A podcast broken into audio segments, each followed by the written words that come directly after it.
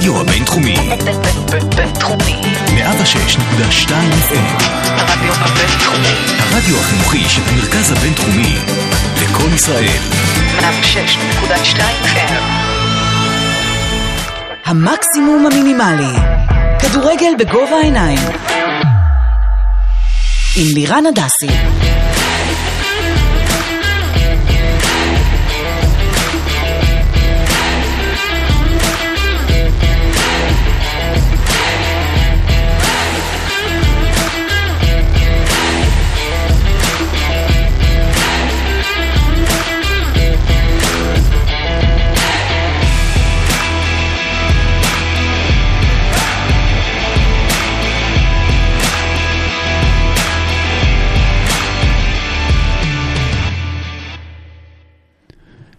בוקר טוב, ערב טוב, צהריים טובים, אתם על המקסימום המינימלי, שוב, אה, אחרי פגרה ארוכה שכללה עוד שזרוע, עוד נבחרת, נבחרת כדורסל, מחזור אמצע שבוע, עוד מחזור אמצע שבוע, חזר אלינו בסערה, עומר חכימי. עומר, מה שלומך? אהלן אהלן, לא יכול להיות טוב מזה. כן? כדורגל ישראלי חוזר, מרגש, אה? ובשיאו, ויאללה, באמת בוא. נרוץ. איזה כיף זה שיש מחזור אמצע שבוע, אה? כן, האמת שזה קצת, שגרה. קצת קשה גם ללכת לשלושה משחקים בשבוע, אבל שאלה יהיו אה, הצרות שלך. מי אנחנו שנתלונן, מה שנקרא. כן, והיום אה, אני ועומר מארחים בשלט רחוק את אה, חברנו, עמיתנו וידידנו, אוהד הפועל תל אביב ואיש כדורגל בכל, אפילו יותר מברמ"ח איבריו, עמית סעתי, מה שלומך? אהלן אהלן, בוקר טוב, צהריים טובים, שלומכם? אנחנו מצוין, אז אה, עמית באמת חבר טוב של שנינו, וגם, אה, כמו שאמרתי, אוהד הפועל תל אביב שרוף, ובא לסקר איתנו את האירועים האחרונים בכדורגל הישראלי. אז מה שיהיה לנו מבחינת uh, התוכנית היום, אז נעבור באמת uh, קצת על תוצאות המחזור, על ההישגים של הקבוצות הגדולות, ננתח קצת מה קרה ומה אנחנו חושבים שיהיה קדימה. משם נחתוך באופן uh, די מתבקש, כשאתה מדבר נגיד על, uh, לא יודע מה, על שובל גוזלן, נעבור לדבר על הבלון דה אור, שאין אין קישור יותר uh, הגיוני מזה, ונדבר קצת על כל מה שקרה שם, מה ההתרשמות שלכם ומה אתם חשבתם שצריך לקרות. אבל לפני שנתחיל בניתוחים, אני רוצה לדבר על שתי אירועים חשובים שקרו טרום ההקלטה, אוקיי? הראשון, הדבר הפחות טוב שאנחנו רואים במגרשי הכדורגל לאחרונה, וגם במחזור האחרון הוכיח לנו את זה, זה אירועי האלימות והוונדליזם במגרשים. אה, מי שלא ראה, אוהדי מכבי חיפה, אני אפילו לא קורא להם אוהדים, חכים מסתכל עליהם במבט של אני מסכים איתך, אני פשוט לא יכול להגיד את זה רקורד. ממש אה, הרסו וניפצו, אה, ניפצו את השירותים, הרסו, שברו כיסאות, באמת פשוט ונדליזם, אין אין דרך אחרת להגדיר את זה. שאני חושב שפשוט העונש הכי טוב זה למצוא את האנשים האלה ולהכריח אותם לשלם על כל מה שהם עשו. כאילו, לשלם כספית, נראה אותם עושים את זה שוב. אה, אבל אני רוצה להראות שיש גם דרך אחרת, איך אה, לכבד כדורגל ואיך זה צריך להיראות. השבוע, אה, יום ראשון, היה- אירוע בפתח תקווה, אירוע מאוד מאוד יפה, אה, לזכרו של המנהל המיתולוגי של הקבוצה יוסי רוזנצוויג, שהלך לעולמו לפני שלוש שנים. אה, באמת היה המון שנים במועדון, בעצם כמעט עד אה, יומו האחרון, היית רואה אותו מסתובב במגרש, מאמן קבוצות ילדים. גם הבן שלו, גיא רוזנצוויג, היה מנהל מקצועי של הקבוצה ושל המועדון, ובאמת משפחה מאוד מוכרת. והחליטו להכיר אותו במשחק של שנתון נערים א', פתח תקווה למכבי הרצליה, לי, ואחרי זה עשו משחק ותיקים במגרש אימונים במושבה.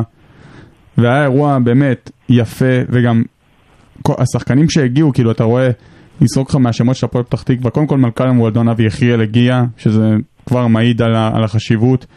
אה, עומר בוקסנבוים, יניב לוזון, יוסי שבחון, אה, רפי כהן השוער. בני. קוזשווילי. כן. בני קוזשווילי האגדי, האגדי, כוכב אובה של לילה. כן, אה, יוסי רוזן, ניר לוין, מיכאל זנדברג, אה, באמת, כאילו, שלומי אדרי, שחקנים מצוינים, עמרי קנדה, מיודענו, הפועל תל אביב. באמת, לא, וגם, באמת, כן. ומה שיפה לראות, שגם במצד של מכבי פתח תקווה, אה, עומר גולן ומורד מגמדוב, סולי צמח, שרון צופין, אסי משיח, רובי. סחסור, אה. יוסי, יוסי בניון. אה, כאילו באמת, שחקנים, אתה יודע, אה, איזה רשימה. ממש, כאילו כולם באו לכבד ולהוקיר, והיה גם אחלה משחק, עבר בשידור ישיר באתר של אה, ספורט 5, נגמר 3-2 להפועל, כמובן שניצחנו. כן, ראיתי את הגולים. כן, אבל באמת, כיף לראות שאפשר לעשות זה גם ככה. זה, זה כאילו נותן לך טיפה, אתה אומר, בוא, בוא, יש תקווה. יש איך לעשות אירועים, איך להתנהג, איך להתנהל, להתנהל. נכון שזה לא קשור, אבל אתה אומר, זה, זה, זה סממן טוב, שיודעים ככה להוקיר וככה לזכור וככה גם לעשות אירוע יפה. הנה, דרבי, באו כל הוותיקים של כל הקבוצות לכבד, מאוד מאוד יפה. אני הלוואי, אבל אני לא רואה, אני לא רואה את זה קורה נגיד בזמן הקרוב ש... דרבי הוקרה אה, של ותיקים של הפועל תל אביב נגד מכבי תל אביב ושלא יהיה שם בלאגן כן, עם קהלים לא וזה. אה, לא, כי- אבל אתה יודע, כזה עם קהל ועניינים וזה. כאילו אני מרגיש חושב שזה... שאתה לא יכול להשוות את... אה, הבעיה שאין קהל. בפתח תקווה, כן. אה, את- אתם לא, אתם עוד פעם, אתם לא, אתם לא חיים את הרחוב הפתח תקוואי, אז מבחינת עוינות, אתם לא צודקים, אני לא מדבר מבחינת כמויות, אבל כשאנחנו ירדנו לליגה א', אני לא יודע אם אתם יודעים, אבל במשחק האחרון כן, כזה, היה-. אז האוהדים של מכבי פתח תקווה עשו זיקוקים מחוץ לאצטדיון, זה היה ממש בלאגן, כאילו כן. מבחינת עוינות? ואויבות, כל העשרה, הרימו אופרציה שלמה, אפילו שכרו אוהדים, אז אה, ככה שמבחינת אה, עוינות זה לא... אחד שגדל, בתור אחד כן. שגדל בפתח תקווה, ושיחק. גם במכבי פתח תקווה, כשוער אה, בצעירותו, אני יכול להעיד על ה- על השנאה העמוקה שיש בין המועדונים. אה, איבה אבל עמוקה. יחד עם זאתי, אה, באמת, אה, שאפו, שאפו על האירוע הזה. באמת כל הכבוד, למארגנים. כן. עכשיו אני רוצה לדבר על כבר. רגע, אם דיברנו כבר על פתח תקווה, מישהו יכול להסביר לי מה האוהדים של מכבי פתח תקווה רוצים מגיא לוזון? אנחנו נדבר על זה בהמשך. אני לא, אני כאילו באמת לא הבנתי. אני גם לא, אני גם לא מבין, אבל אנחנו נדבר על זה בהמשך. סבבה. זה לא- משהו שבוער בי כבר, אני... אל תקפוץ, יש פה חלוקת עבודה מאוד מחכה ברורה. לשאול אני איזה פתח תקוואי, מה- קורה? אני אומר לך על מה מדברים ואתה מדבר. אתה. מבין? זה החלוקה, אני קובע את ה lineup ואתה בא. לדבר עליו. אני חסרתי לך את העבודה של לחשוב על מה לדבר. אתה רוצה שנחליף תפקידים? לא. לא, זה פשוט בער בי. אנחנו צריכים לעשות פרק כזה. שאתה, שאתה, מנחה, מחליט. שאתה מנחה ואני רק בא ומדבר. יאללה. כאילו אני בא בבוקר, אני אומר לו תקשיב, דבר על ככה וככה וככה. אין בעיה. וואי, זה מדהים לי. אה, אז הדבר השני שקורה, תשמע, אני מקבל טלפון ב- מחכימי ממש עכשיו לפני שאנחנו נכנסים, לירן, אתה לא מבין מי נכנס לבינתחומי. אני אומר לו, מרקו בלבול. הוא אומר לי, מה, אתה יודע? אמרתי לו, אחי, כי אני בחניה ראיתי. טוב, ואז אני נכנס, הוא אומר לי, לירן, אתה לא מבין עם מי בלבול יושב. אומר לו, עם אברהם גרנט. לי, רעידת "מה? אדמה. איך רעידת אדמה רעידת בבינתחומי?" אדמה, שמונה בסולם ריכטר. כן. אומר לי, עם אברהם, אני אומר לו עם אברהם, הוא אומר לי, איך אתה יודע? אני אומר לו, אני רואה, זה ליד הקפיטריה. לא משנה, בשורה התחתונה הם ישבו פה עם איזה פרופסור אה, יקר, יאיר גלילי, איש ספורט אה, אדיר למי שמכיר, שאני גם מכיר אותו. אז הלכתי, אמרתי שלום, עשיתי mingling. במשא ומתן להיות כן. אורחים פה ב... כן, גם, אז זהו, אז גם הצגתי את עצמי, כי אף פעם כאן תימן את אבא שלי בילדים, מה, אתה הבן של הדסי וזה. הצעתי להם, הם ממש, אה, לא אני הצעתי להם, הם ממש רצו לבוא להתארח בפודקאסט, אבל אמרנו, כאילו, מה לעשות, שריינו את עמית. שריינו את עמית. אבל זה היה ככה קרוב מזה, ש, מזה שהיינו אומרים לך, עמית, אתה לא עולה היום, ומצאנו אורחים קצת יותר חשובים. אני מעדיף אותך עמית, רק שתדע. בסוף זה נפל, אה, וואו. המכש- מכשול שכרו, מה שנקרא, לא היה לנו מספיק כסף, אבל אה, זה היה קרוב. אני באמת אה, מרגיש כבוד גדול אה, על הזכות לעלות לפודקאסט, ומקווה לפרוע שטרות, כמו שאמרתי. תזכור את זה ביום שישי שנקבל את החשבון, אולי תשים 10% עליי ועל עומר. טוב, אה, אז אחלה. עכשיו, במעבר חד מאירועי טרום השידור, אנחנו רצים למשחק אולי המרכזי של המחזור האחרון. קבוצתך האהודה עומר מכבי חיפה התארחה בבלומפילד אצל קבוצתו האהודה של עמית אה, הפועל תל אביב. שלוש אחת, אה, ברשותכם אני רוצה להתחיל עם הקבוצה המפסידה ככה וניתן לאורח היקר שלנו לתת את דברו. עמית, אני חושב שזה... קודם כל אני טוען מתחילת העונה, למרות שאתה יצאת עליי על זה בפרטי, בוואטסאפ, שהפועל תל אביב לא נראה טוב. לא נראה טוב אפילו בכלל, הייתי אומר. אתה לרוב לא, לא מסכים איתי לגבי זה, ואני חושב שאולי זה היה המשחק הכי גרוע של העונה, אפילו יותר אני- מהדרבי. אני גם לא מסכים, דרך אגב, אני אמרתי כמה פעמים. שאני חושב ש... אה, אז תראה, תראה, אני, אני אשמח להתייחס לזה. תראה. הפועל, כשהיא אה, מגיעה למשחקים מול קבוצות גדולות, היא מאבדת את זה מאוד מהר. ערך אה, משחק מול מכבי תל אביב, שהיא עלתה ליתרון. היא כאילו באה להפסיד ואז- 1-0 סליחה, מכובד. זה לא שהיא, זה, היא פשוט לא יודעת, היא לא, היא לא רגילה לסיטואציה שהיא מובילה על קבוצה שטובה ממנה. דרך אגב, אני, זה- אני, רק, זה אני רק רוצה שנייה לקטוע אותך לפני. עכשיו, למה אני גם חושב ש, שיש פה איזה פיקציה? כי נכון, כאילו תדמיתית נתפס שהפועל תל אביב משחקת טוב השנה? כאילו מצבה טוב? מצבה טוב בה בטבלה. יפה. מצ- מה המצב של בית"ר ירושלים עד עכשיו העונה? מה אתם חושבים? על הפנים. על הפנים, נכון? נראית רע מאוד. מסכים? הפרש. שלוש נקודות. בסדר, אבל. לא, זה לא, זה לא צריך המדד. להגיד את זה לא המדד, אחי, זה גם הרבה התחילה רק הנרטיב. העונה. אתה עוד מחזור עשירי. עמי שוט, סליחה שקטעתי אותך. אוקיי. אז כמו שאמרתי, הפועל זו קבוצה שהיא היא- היא לא מצליחה והיא לא יודעת מה זה להוביל, מה זה להיות ביתרון על קבוצה שטובה ממנה. אה, קלינגר, אה, בגישה שלו, ואני שומע הרבה טענות על זה אה, מאוהדי הפועל, הוא, הוא יותר אוהב להזמין אליו את ההתקפות ופחות ליזום, אתה לא רואה את הפועל אה, עכשיו יוזמת ושולטת במשחק באופן גורף, גם מול קבוצות אגב שכביכול ברמתה או חלשות ממנה. ערך הפועל חדרה, ניצחנו 3-0, אבל אה, זה בקלות גם יכול להתפתח אחרת, תראה את המחזור הפתיחה, 2-1 נגד אה, מס אשדוד. הם שלטו לגמרי במחצית הראשונה, לא הצליחו לשים את הגול. אתה זוכר משחק העונה שהפועל אה, תל אביב שלטה מבחינת כדורגל? אה, תראה, היה לנו משחק מצוין נגד בית"ר. נכון. היה לנו משחק מצוין נגד בית"ר, אה, הערכנו את המשחק הזה, אה, לצערי גם אה, זה משחק שקיבלנו בו עונש ויש לי הרבה מה להגיד על העונש הזה, אבל אנחנו תכף נגיע לזה. אה, אבל בשורה התחתונה, ממה שאני מרגיש, הפועל בשנים האחרונות, וצריך לקבל את זה, ועד שלא נקבל את זה אז זה- יהיה יותר ויותר כואב, הפועל בסוף הפכה להיות אה, קבוצה אה, שמתנהלת כמו קבוצה קטנה. אה, אני שם עם כל ההחתמות שלנו, זה החתמות שאנחנו מנסים להביא, אתם יודעים, להביא את עדן ברד, את שלומי אזולאי, שחקנים שהם לקראת סוף הקריירה שלהם, ומנסים ככה להוציא, לסחוט את הלימון משחקנים ש, שניתן. זה מועדון שבסופו של דבר נמצא בחובות. ו... אבל פה אתה מדבר, פה אתה כבר נכנס לסיבות ל... ללמה. אני, אני רוצה לקחת אותך רגע נטו למגרש. עזוב, אני חושב, לעניות דעתי, שעם סגל השחקנים, נכון, לא, לא, הם לא בפיק שלהם, אני מסכים איתך לגמרי.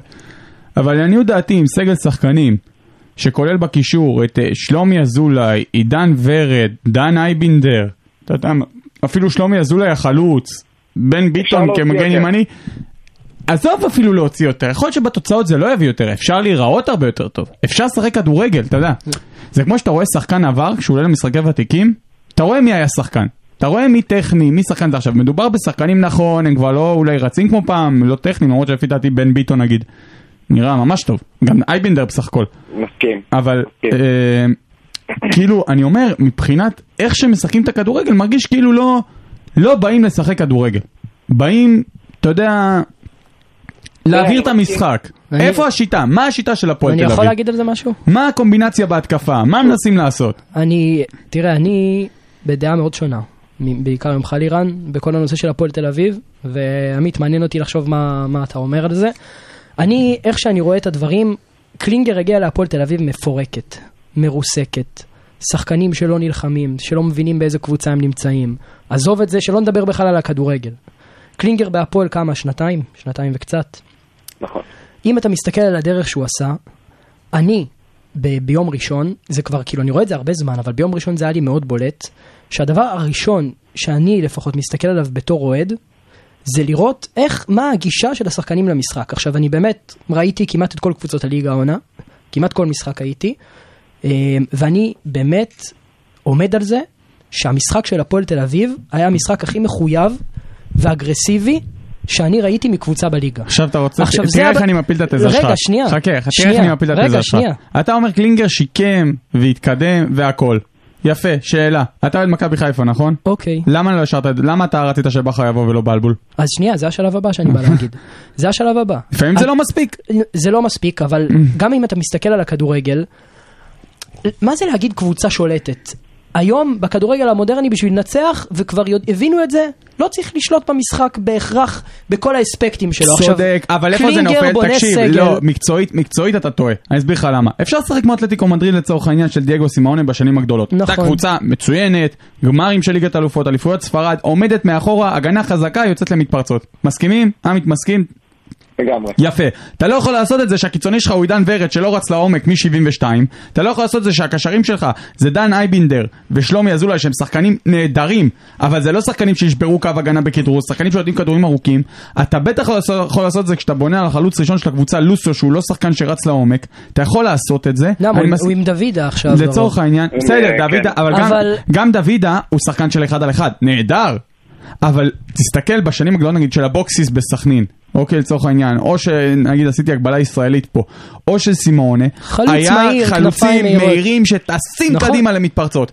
אז השיטה הזאת לא יכולה לעבוד, אתה לא יכול לחכות מאחורה ולצאת למתפרצות עם שחקנים שלא יודעים לצאת למתפרצות, זה לא עובד. אני מסכים, אבל מצד שני, כמו שעמית אמר, יש בסוף בהפועל תל אביב מגבלות תקציביות. אני חושב שקלינגר עם הכסף שעמד לרשותו, הביא את השחקנים, אני, אני כמעט בטוח, לפחות הישראלים, הכי טובים שהפועל תל אביב יכלה, וגם אם אתה מסתכל מבחינת יצירתיות, נכון שזה לא שם, אבל להפועל תל אביב יש כלים התקפיים, מה שלא היה לשנה שעברה. אני מסכים איתך, אבל היא זה גם בדיוק הנקודה, חזקה בהגנה מה וגם השיטה? מצליחה לאיים על השער. אבל לא, לא, זה אתה טועה, היא לא מצליחה לאיים על השער, זה לא נראה טוב. עכשיו אני אומר, אני מסכים איתך שמבחינת שחקנים פרסונות, הביאו שחקנים טובים, היא אין הביכה את ויכוח. ההגנה של מכבי חיפה אבל- כמה פעמים אבל אם יש לך. שחקנים כמו משחק האחרון. עידן ורד, כמו שלומי אזולאי, כמו דן איינבינדר, שחקנים מאוד טכניים, אושר דוידה, שחקנים שמצוינים עם הכדור, אז בוא תהיה קבוצה שמניעה כדור.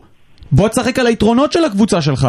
אתה לא יכול לשחק קבוצת הגנה חזקה שיוצאת למתפרצות עם שחקנים שלא רצים לעומק. יש לך קבוצה טכנית, שחקנים מעולים עם הכדור, שחקנים שיודעים לתת פס מצוין, שחק- שלומי אזולאי יכול להעמיד לך כדור על 60 מטר על רגל של המגן, אין נכון. בעיה.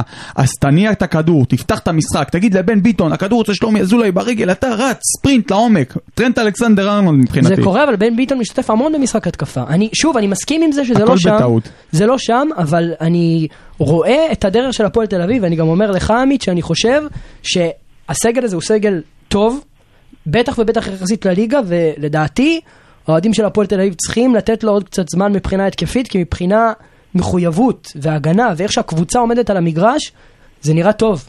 בטח, בטח לעומת השנים האחרונות, מה זה אתה נראה אומר, טוב. עמית? ותנו אני- לזה קצת זמן לחלק ההתקפי. זה בסוף אני, אני, יתחבר. מאוד, אה, אני מאוד מסכים עם עומר, אני חושב שביחסית ל... אני שומע את עצמי פעמיים, לירן, ב...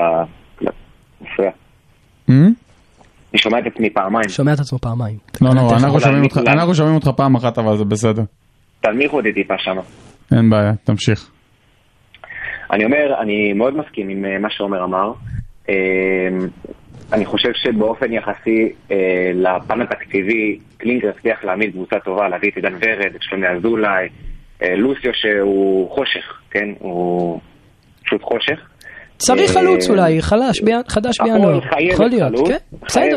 צריכים חלוץ, נכון. בסוף הטענה של אוהדי הפועל, ואני יכול להבין את הטענה הזאת של, של רוב האוהדים שאני מדבר איתם בכל אופן, הם אומרים, אי אפשר להתבזות ככה מול מכבי תל אביב, אי אפשר כל פעם להוביל 1-0 למכבי חיפה, להוביל 1-0 למכבי תל אביב, ולהפסיק לשחק כדורגל. זה קלינגר הרבה פעמים, צודק. יש לו, הוא, יש לו הרבה פעמים שהוא נכנס למצב שהוא אנטי כדורגל. עכשיו, נכון, זה אני מסכים. אוהדי הפועל, והפועל נמנית כאחת הקבוצות הגדולות בליגה, גם מבחינת קהל, ובעבר עם העבר המפואר שלה, רוצים לראות כדורגל טוב, כן? אני לא יודע אם אני יכול להגיד לך באופן חד משמעי, אבל אני יכול להעדיף לסיים אולי בפלייאוף תחתון גבוה, אבל לראות את הפועל משחקת כדורגל טוב ומוציאה נקודות נגד הגדולות. אתה חושב שכל עוד ניר קלינגר מאמן הפועל תל אביב, לראות את הפועל תל אביב מנצחת את מכבי תל אביב, לראות את הפועל תל אביב מובילה על קבוצה גדולה ממנה ומחזיקה את היתרון הזה. אתה חושב... למה זה, עמית, רגע, אני רק רוצה לתת לך איזה אנקדוטה קטנה, כי הפועל בשנים האחרונות לא מצליחה לקחת נקודות נגד הגדולות. אם אנחנו שמים את הדברים על השולחן, תשעה משחקים אחרונים נכון. נגד מכבי חיפה, ניצחון. וזה הרבה מנטלי זה- גם לדעתי. זה- אתה ראית נכון. במשחק נכון, האחרון, נכון, מנטליות חיפה לא. שיחקה, עמית.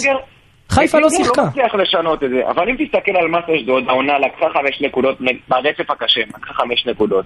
נתניה לקחה ארבע נקודות, בני סכנין לקחה ארבע נקודות. רבאק, השנה הגדולות, אה, אשדוד הגדולות שש לא- נקודות אפילו, אשדוד. תקשיבו, השנה הגדולות זה לא זה. אנחנו מבינים את זה שהגדולות לא חזקות כמו בשנים הקודמות, זה לא ריצה, אה, מה שנקרא, ראש חץ למעלה ושכולם רודפים מאחורה. הפועל תל אביב יכול לעשות יותר חכה, מהגדולות. אבל זה עוד מוקדם. ואני אומר גם עובדתית. תקשיב, אני רוצה להגיד שני, אני רוצה להגיד משהו ואז לשאול משהו את עמית. עמית, בסוף, אתה יודע, אנחנו אומרים, פתיחת העונה אה, כביכול טובה, אבל בוא נשים את הדברים על השולחן. הפועל תל אביב, שש נקודות מהקו האדום.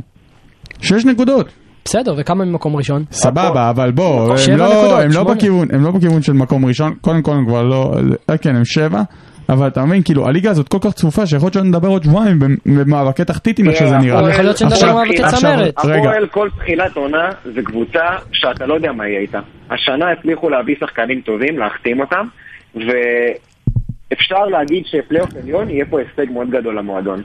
אבל אה, לפני כן, כשסיימנו את העונה האחרונה, אף אחד לא יודע לאן הקבוצה הזאת הולכת. כאילו, זה- אף אחד זה עדיין לא יודע לאן הקבוצה הזאת הולכת, ואני אומר לך שאם היא תמשיך ככה, היא לא... היא לא תתקדם, היא לא תגיע לפי דעתי גם לפלייאוף עליון, כי זה לא נראה טוב. עכשיו אני רוצה לשאול אותך שתי שאלות לנעול את הדיון על הפועל תל אביב. אה, לה- להגיד משהו ואז לשאול שאלה. אז מה שאני רוצה להגיד זה שלפי דעתי אני חושב שהחוסר הבנה של קלינגר של מה שקורה התבטא הכי טוב במשחק נגד מכבי חיפה. שימו לב להרכב, אני לא יודע אם שמתם לב, שיחק עם שלושה בלמים, נכון? עם אה, גרופר ובן ביטון מגנים. מי שיחקו בלמים? הופמייסטר ואליאס. שני קשרים אחוריים. עכשיו, אדוני המאמן, מי משחק עם. שלושה בלמים כששתיים מהם הם לא בלמים טבעיים? והשלישי. והשלישי הוא לא, לא תגיד קולו הוא איזה, לא יודע מה, פביו קנבארו. זה, טעות בסיסית. השאלה היא, עמית, אני שואל אותך, האם אתה רואה עתיד, עתיד, לא בכלל העונה, האם אתה חושב שהפועל תל אביב יכולה עם קלינגר להתקדם מקצועית? עזוב להישאר, היא לא תרד ליגה, בסדר. האם אתה חושב שהפועל תל אביב לא צריכה להביא מאמן שקצת יותר, עזוב שמות, יצית את הדמיון וינסה למנף את הדבר הזה עוד יותר אז בוא למטה. אני אשאל אותך, אני. אשאל אותך דבר כזה, איזה מאמן כזה אתה מכיר? שפנוי והוא ישראלי, שמאמן ישראלי שחושב כל הזמן התקפה. אני לא... שבאמת יציב. אה, אבל חכה, אני, אני, בגלל זה אמרתי, אני לא מדבר על לפטר אותו מחר בוא בבוקר. נדבר על... לא, אז בוא נדבר על האלטרנטיבות, כי אתה יודע, יש הרבה דיבורים כל הזמן, לפטר את קלינגר. לא, לא, אני לא חושב, טוב. חכה, חכה, אני לא חושב שצריך לפטר את קלינגר. חכה. אז אז אם לא הסברתי את עצמי טוב, אני לא חושב שצריך לפטר את קלינגר. אני כן חושב שהוא- שיש שתי בעיות. אחד, עובדתית, הסגל של הפועל תל אביב, לפי דעתי, הרביעי הכי טוב השנה בליגה. צריך להגיד את זה, מבחינת סגל רביעי הכי טוב השנה. יותר טוב, אה, אולי חוץ מסכנין. כן, אני חושב ל- יותר למקום שישי, חמישי, אבל לא יודע, לפי דעתי רביעי. לפי דעתי הוא גם יותר טוב משל הפועל חיפה, וכל השאר לא באמת אה, רלוונטי. יותר טוב משל הפועל חיפה. כן, מבחינת סגל שחקנים אוקיי. בטוח, הפועל חיפה משחקים טיפה יותר טוב, מבחינת סגל שחקנים לפי דעתי שחקן שחקן ככה לפי תחילת העונה, חוץ מחלוץ, לפי דעתי בכל העמדות, ובזרים אולי פגעו קצת יותר טוב. אני לא חושב שצריך לפטר את קלינגר, אני דווקא אומר בוא ניקח סוף העונה הזאת, נגיד נגמר החוזה. האם הפועל תל אביב לא צריכה לעשות אקט מכבי חיפה, להגיד אדון קלינגר תודה רבה, הצפת את המועדון, באמת, זה זה זה. מבחינת, אם אנחנו רוצים להתקדם, להיאבק אפילו על מקום באירופה. בוא נגיד, בסדר, לא נהיה ב top שלוש, אבל למצב את עצמנו כראשונה מבין הליגה השנייה שמחולקת בתוך הליגה הזאת. האם לא צריך להשתדרג בעמדה הזאת של המאמן? עזוב את השמות. האם ניר קלינגר זה לא להתפשר על בינוניות?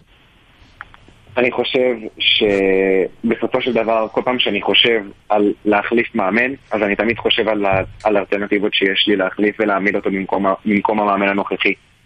בסופו של דבר, כשאנחנו מסתכלים על התוצאות של הפועל, אה, ממוקמת במקום חמישי, נכון, אנחנו יכולים לשחק יותר טוב. אנחנו באמת צריכים גם להוציא נקודות נגד הגדולות, וצריך להפסיק עם המנטליות הלוזריות, הלוזרית הזאתי, ולהתחיל לפתח אופי לשחקנים. אבל חכיני אמר את זה נכון, השחקנים הם שחקנים מחויבים. הסגל עצמו הוא סגל טוב, אפשר תמיד להוציא ממנו יותר טוב, אה, אבל אני חושב שקלינגר, אתה יודע, בשביל שאנחנו נעשה את הקפיצה לאירופה בסופו של דבר, המועדון, הוא צריך לעבור איזושהי מתיחת פנים, מלמעלה, לא מדבר על המלמטה, על הדשא. אתה יודע, הגישה של החתמת שחקנים, גם על ההתייחסות אגב לאוהדים, שלא דיברנו על העונש ה... זהו, בוא, בוא תזרוק על זה מילה רגע, מה, מה קורה שם? מה- אני אגיד לך, היה לי מאוד מאוד מאוד עצוב להיות בבלומפילד ביום ראשון. הקהל של הפועל תל אביב היה חסר לי, זה לא היה אותו משחק. אני גם די חושב שהתוצאה הייתה נראית אחרת, אם, אה, אם אתם הייתם. אני, אני, רק- אני לא רוצה להיכנס עמוק לדיון הזה, אני חושב בקצרה. שכולנו מסכימים שעונש רדיוס זה עונש מטומטם. אני חושב שהדיון הוא מה פשוט לא הביקורת נכון. על ההנהלה? מעניין אותי. למה למה המחאה אה, על ההנהלה? כי אה, העונש הגיע ההנהלה מההתאחדות. כי הם דרשו, הם דרשו מה- מה- אבל מבעלי ההנהלה המנוי חייבו לקנות. כרטיסים. שנשלם 110 שקלים. אבל עמית, חייבו אותם, לא? לא, אז, אני שמעתי שהמינהלת לא אפשרה להם לחלק כרטיסים בחינם. נכון, כן. נכון, נכון, נכון. אז נכון, מה ציפיתם, שימכרו אה, לכם כרטיס ב-20 שקל? כאילו זה היה- הכוונה? אה, לא, כי אז הם לא יכולים למכור לכם כרטיס ב-110. אוקיי, אז מה אה, רציתם? תראה, בסופו של דבר, ההנהלה צריכה לחשוב על פתרון יצירתי. אני לא יודע, אולי לתת לשלם במקום של 110 ולזכות אותנו למנוי ב-110 בשנה הבאה, כי מה יש לי לעשות עם 40 שקל בחנות מועדון. בסופו של דבר, בוא נדבר תכלס, אין לי מה לעשות עם זה. מה אני אקנה משרוקית ורעשן? זה לא מתאים. אה, אה, תראה, אני בטוח שהיה יכולים להיות הרבה יותר פת- פתרונות יצירתיים אחרים. כאילו... אה, להחזיר את הכסף הזה בצורה כזו או אחרת, אבל בסופו של דבר, אתה יודע, לאוהד, לאבא שבא עם שני ילדים, שרכש מנוי במיטב כספו, עכשיו לשלם עוד 300-350 שקל על שני משחקי בית שהוא כבר שילם. עמית, יש, איתך. יש, יש אבא עם שני ילדים שיושב בשער 4-5? לא, יש, יש כאלה. אני שואל, אני לא. יודע. יש, מה בטח. בטח, אבל, תראה. אבל היה נראה שיש איזה כעס על המנכ"לית עוד קודם, כאילו משהו שם לא, לא יושב זה לא נראה טוב. לי קשור לעונשים. ותראה, אני לא יודע כמה זה קשור לאנשים, אני פשוט אה, חושב שהאולטרס, ואני לגמרי מסכים, זה... הפתרון שהם אה, נתנו זה פתרון שהוא אה, קצת מעליב, אתה יודע. מסכים. הפועל- היו צריכים למצוא פתרון יותר טוב. באחדותה, והיו צריכים לדאוג שהאולטרס, היו צריכים לדון עם האולטרס ולהגיע למצב כזה שהאולטרס גם מרוצה וגם ההנהלה מרוצה, בשביל שהאולטרס יגיע ויתמוך במשחק כזה חשוב. צודק. לא. עמית, אנחנו כולנו מסכימים, הפתרון, ש... מצד, אני חושב שיש פה כמה צדדים. אחד, הפתרון של הנהלת הפועל תל אביב לא היה מספיק טוב כלפי האוהדים, אני חושב, שכולנו מסכימים עם זה. לפי דעתי, הפתרון הכי טוב היה, זה לקזז את הסכום הזה שהם דורשים ממנוי לעונה הבאה. כמה שאנחנו דורשים מהמשחק הזה, תדעו, הנה, אנחנו עושים לכם הנחה במנוי זה לעונה גם מה הבאה. שאני חשבתי. זהו, אז לפי זה דעתי זה היה הכי. הוגן, או לפחות 70 אחוז או 80 אחוז, משהו שבאמת יראה על איזושהי כוונה טהורה, אני חושב שזה היה הפתרון הכי טוב. עכשיו, ומילה, ומילה על העונש הזה, ההתאחדות. אז שנייה, אה, שנייה, רגע, רגע, אני רוצה, אני רוצה פשוט לסגור את הדיון, כי אנחנו גם אין לנו כל כך הרבה זמן להיכנס בזה. אנחנו אומרים, כל הזמן אני שומע שמאשימים את הדיינים. חבר'ה, דיין, אין לו הרבה שיקול דעת. יש סעיף עבירה. הוא מורשה, בדיוק, הוא מורשה בעבירה, הוא לא יכול להמציא עונשים הדיין. הוא לא יכול אה, להגיד, חבר'ה, אה, אני לא חושב שרדיוס זה דבר נכון. לא, יכול להיות שגם חלק מהדיינים חושבים שרדיוס זה, זה עונש שצריך להיעלם מהעולם. סביר להניח שכנראה רובם חושבים ככה. זה לא לא קשור? לדיינים. יש תקנון לא להתאחדות לכדורגל. מי יושב בהנהלה של ההתאחדות לכדורגל? קבוצות. נציגי קבוצות. יעשו טובה, וגם במינהלת, ישבו ביחד, ישנו את התקנון לעונשים אחרים, ותודה רבה. ואני חושב שהדבר הראשון שצריך לעשות בעונשים האלה זה לשנות שקבוצה שמצליחה למצוא אוהדים ומשקיעה מכספה באבטחה אקסטרה, לא צריך להעניש אותה בכלל. לא צריך להעניש אותה. אותו אוהד שמאותו יום אה, אה, הוא לא ייכנס יותר למגרש הכדורגל, נגמר. לא הקבוצה צריכה להיענש. כן, ואני בסוף חושב, רגע, עמי, האוהדים. עמי, אנחנו פשוט- אנחנו פשוט חייבים לעבור נושא, אני רק אומר, הדבר האחרון שאני חושב שצריך לעשות, זה להרים גדרות, כמו באירופה, להרים רשתות, לא, לא, מעל לא, השערים, לא, לא, כן, לא. חבר'ה, זה- זה לא, לא, זה לא מקובל, מסכים איתך. זה מקובל לא, בכל זה העולם, לא- זה בסדר, אתה ממש יכול לא להסכים מקובל. איתי, זה ממש לא מקובל, זה בכל לא אירופה. עושים את זה. איפה עושים את זה חוץ באירופה? מבאנגליה שמתנגנים, מה, באיטליה, בגרמניה, בצרפת, בגרמניה עושים זה. אבל גם לא בכל שער. באיטליה אני הייתי, באליאנס לא ראיתי את זה. אליאנס ארנה, מקום הנאורות, מינכן, רק מאחורי. השער, אבל. ברור שרק מאחורי השער, לא, לא אמרתי לאורך כל המגרש, מאחורי השער. אוקיי.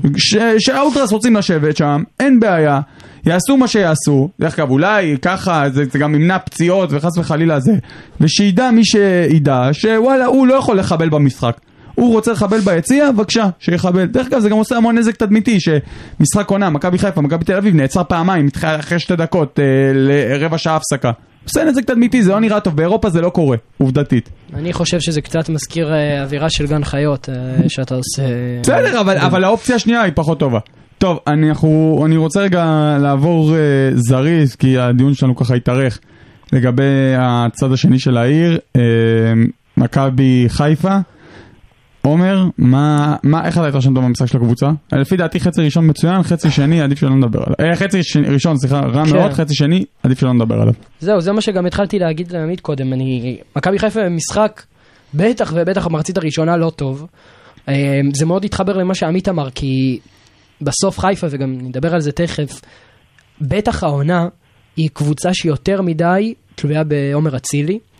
ואתה ראית איך פעולה אישית שלו, שבאמת היינו נראים עד אותו רגע קטסטרופה, חושך. כאילו מהלך אחד שגם נגמר בזה ש... של כל הבעיה של מכבי חיפה שאין לה חלוץ. ו... את הכדור, כן. כן, ו... ו... ומכבי חיפה חוזרת למשחק מפעולה אישית מדהימה של עומר אצילי. אה, חוזרת מנט... גם מחזיר אותה מבחינה מנטלית למשחק, כי, כי הראש של מכבי חיפה לא היה בבלומפיד. אה, וזה גם מה שהתחלתי להגיד לעמית, ש... שהיה חבל בשביל הפועל תל אביב, שהגול הזה הוציא אותם מהמשחק, כי הם היו, עד לאותה נקודה, הם היו ראשונים לכל כדור. אה, לדעתי שלטו גם בקצב של המשחק, לקחו את מכבי חיפה לקצב שלה, לקצב היותר רגוע, מכב- מכבי חיפה שיחקה ארבעה ימים לפני זה בקצב באמת מטורף מול אוניון, אני חושב שמכבי חיפה גם נראתה טוב, וגם אני, אני בתור אוהד הייתי מאוד מרוצה מהמשחק מול אוניון, אה, ואז אתה מגיע לבלומפיד, ובאמת הפועל תל אביב לוקחת אותך לקצב שלה, משחקת אגרסיבי, ראשונה לכל כדור. אה, ואני אומר תודה רבה לעומר אצילי, שאם לא השער שלו, אני לא חושב שמכבי חיפה יכול להיות אפילו מפסידה את המשחק הזה. ממשיך אה, לחזק את מעמדו לכיוון תואר אה, שחקן העונה, לטעמי. לגמרי. תשמע, אין ספק, הבן אדם סוחב, סוחב את מכבי חיפה על הגב. עומר אצילי זה אה, באמת כמה פעולות אה, אישיות שהוא אפילו לא קשור, אה, אתה יודע, לפעולות של הקבוצה, לא משנה כאילו איך הקבוצה משחקת. נכון מאוד, משום הוא מקום. בא והוא הוא שובר את המשחק, הוא פשוט הופך את הקערה על פיה בפעולה טכנית אחת. לגמרי. הסתכלתי קצת על המחזורים האחרונים, רציתי לראות את, ה, את הגולים שלו, יש סך הכל שבעה גולים, שני לתורג'מן, ושימו לב, הוא שחקן קלאץ' מטורף. אה, בני סכנין הוא שם צמד דקה 90 ודקה, ודקה 70 ודקה 90 והכריע את המשחק. מכבי תל אביב הוא שם אה, גול דקה 70. באר שבע הוא קיבל אדום, לא משנה.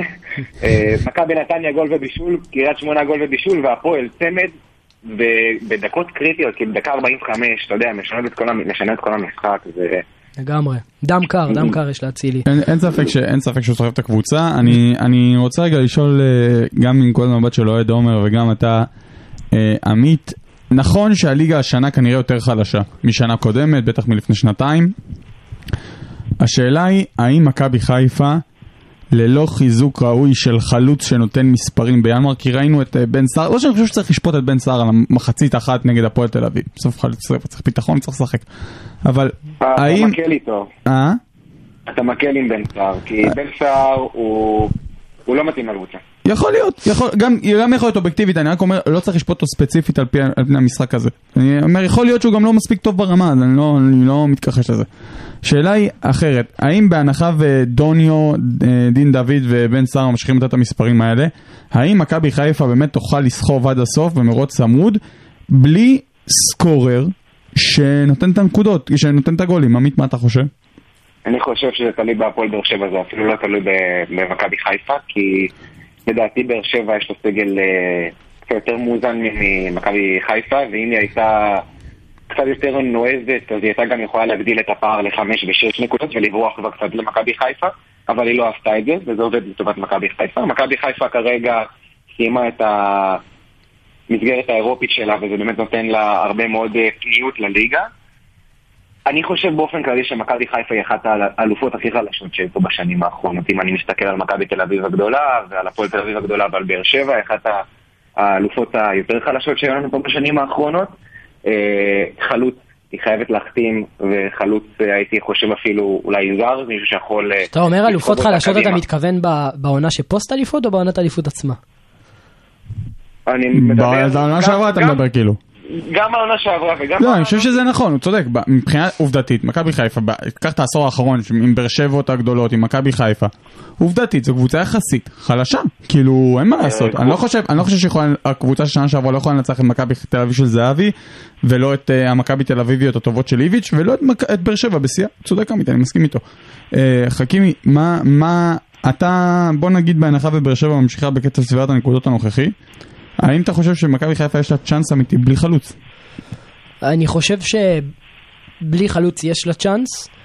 הרבה תלוי אם שחקנים כמו שרי וחזיזה יחזרו להביא מספרים, כי מרגיש שמאז שאצילי נהיה בולט אז הם די סוג של... כאילו הגיעו לאיזשהו, משחקים עם איזשהו רפיון כזה, שאתה מרגיש שלא הכל תלוי עליהם, לא הכל תלוי בהם, והם גם, זה גורם להם להיות פחות טובים. אה, אז מכבי חיפה יכולה לקחת אליפות ככה, גם מהסיבה שבסוף כן היא מפגיעה שערים, והיא יכולה להפגיע הרבה יותר, להיות הרבה יותר טובה, אה, אבל אני מסכים שזה, שזה תלוי קצת גם בהפועל באר שבע, אבל אני פשוט חושב שהפועל באר שבע קבוצה הרבה פחות טובה ממכבי חיפה. יש לה את מה שלמכבי חיפה אין, שזה אה, נקרא לזה מחץ ומהירות בחוד, השילוב של ספורי ורוקאביצה, זה משהו שחסר למכבי חיפה. רוקאביצה שכבר אם אתה יודע אמרו הבן אדם אולי גמור ואולי באר שבע קנתה סוס מת אז לאט לאט לדעתי הוכיח שהוא כאן והוא כאן בשביל להישאר. ולא דנו, ד- כבר בלמה הוא כן למה הוא לא במכבי חיפה. שורה תחתונה מכבי חיפה אה, צריכה את רוקאביצה אה, צריכה חלוץ כמו רוקאביצה לדעתי יכולה גם להביא אליפות בלי שוב כמו שאמרתי הרבה תלוי בשאר השחקנים שסביב אצילי טוב, אה, אני רק רוצה להעלות אה, עוד איזה... מילה נקודה אחרונה אחת. למכבי חיפה שאהבתי במשחק, זה אה, פלניץ', אה, גרזן הגנה, זאת אומרת, נטרל לדוד הרבה מאוד פעמים, נמצא הרבה פעמים במקומות הנכונים, אחד הבעלמים הטובים שהגיעו לפה. אז זהו, צריך להגיד, הוא גם, הוא מסיים חוזה, יש איזה אופציה, אין שם איזה אופציה, בוא, בוא נראה מה... חיפה חייבת לשמור אותו אם היא רוצה... עוד פעם, הדיבור אבל הוא... שהוא רוצה להישאר, אבל הוא ירצה להישאר, תוספת הוא רצינית בשכר. הוא- אבל הוא ירצה הרבה כסף, ובוא, הוא לא ילד, ואנחנו יודעים שיאנקל'ה לא לא אוהב לתת אה, חוזים אה, ארוכי טווח לחבר'ה מבוגרים, בוא נראה, זה-. יש שתי עניינים אחרונים, אחד, אה, עופרי ארד, לא לא נראה שהולך לחזור בקצב הזה כן, להרכב. חשבתי על זה בדרך לפה שרציתי כן, להגיד לך ש, שזה לא נראה, תשמע, אה, גולדנברג בסך הכל אה, בסדר גמור. עושה עבודה מצוינת אותי הוא מפתיע נכון, אני חושב שהוא כנראה היה צריך לשחק בלם כל הקריירה ופשוט לעשות אותו מגן זה לא היה הפורטה שלו. אני חושב שגם צריך להגיד אה, שכנראה ההחתמה של אורי דהן הייתה ממש, אפילו, אני אגדיר את זה על גבול המיותרת, ממש. אני לא חושב שזה, אני לא חושב שזה מצדיק את המיליון ומשהו, אני לא זוכר אם זה באירו או בשקל שנשפכו שם. אה, אני חושב שזה זה פשוט מיותר בדיעבד.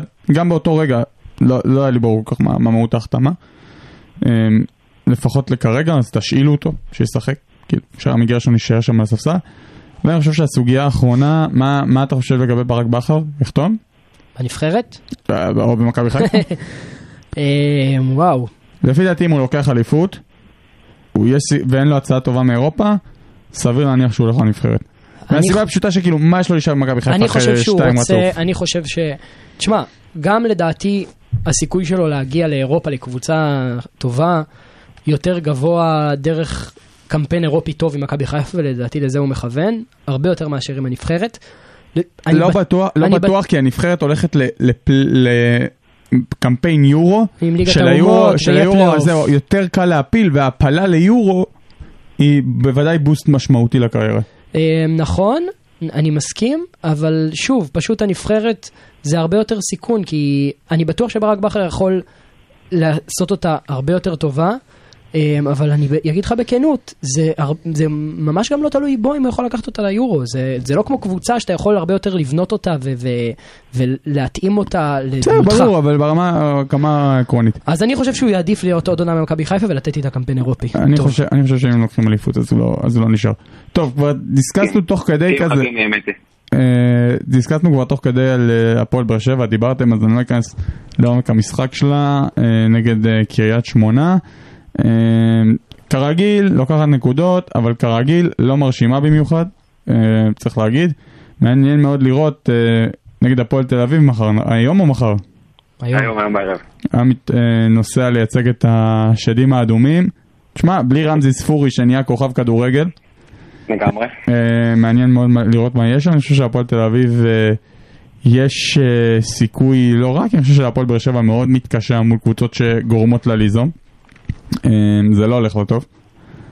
אז אני אה, מרגיש ש- שרוני לוי וקלינגר הם אה, מאוד מזכירים אחד את השני, אתה יודע את העניין הזה. נכון, אני מסכים איתך לגמרי. גם, גם הקריאות של אה, רוני לוי מאוהדי באר שבע להתפטר, שאני, כאילו, אני גם יכול להבין אותם באיזשהו מקום, כי... אני חושב שאצלם זה אה, פחות על יודע, הקטע המקצועי. אצלם- אישי. כן, זהו. זהו, זה יותר הסיפור שקרה להבדיל שם. אלפי הבדלות, אלפי הבדלות, הפועל באר שבע זה לא, לא הפועל תל אביב, זה לא אותה סיטואציה, זה לא אותה האופרה, זה שני דברים אחרים לגמרי. אבל הפועל באר שבע גם יכולה לשחק כדורגל הרבה יותר טוב, וכמו שאמרתי, עד עכשיו יכלה להיות בהפרש של 6-7 נקודות במכבי חיפה, ולשחק כדורגל יותר אטרקטיבי. היא לא עושה. מסכים. ויש לה את הכלים לעשות את זה. מסכים. אה, כי רוני לוי, כמו קלינגר, אה, לא מאמין ב...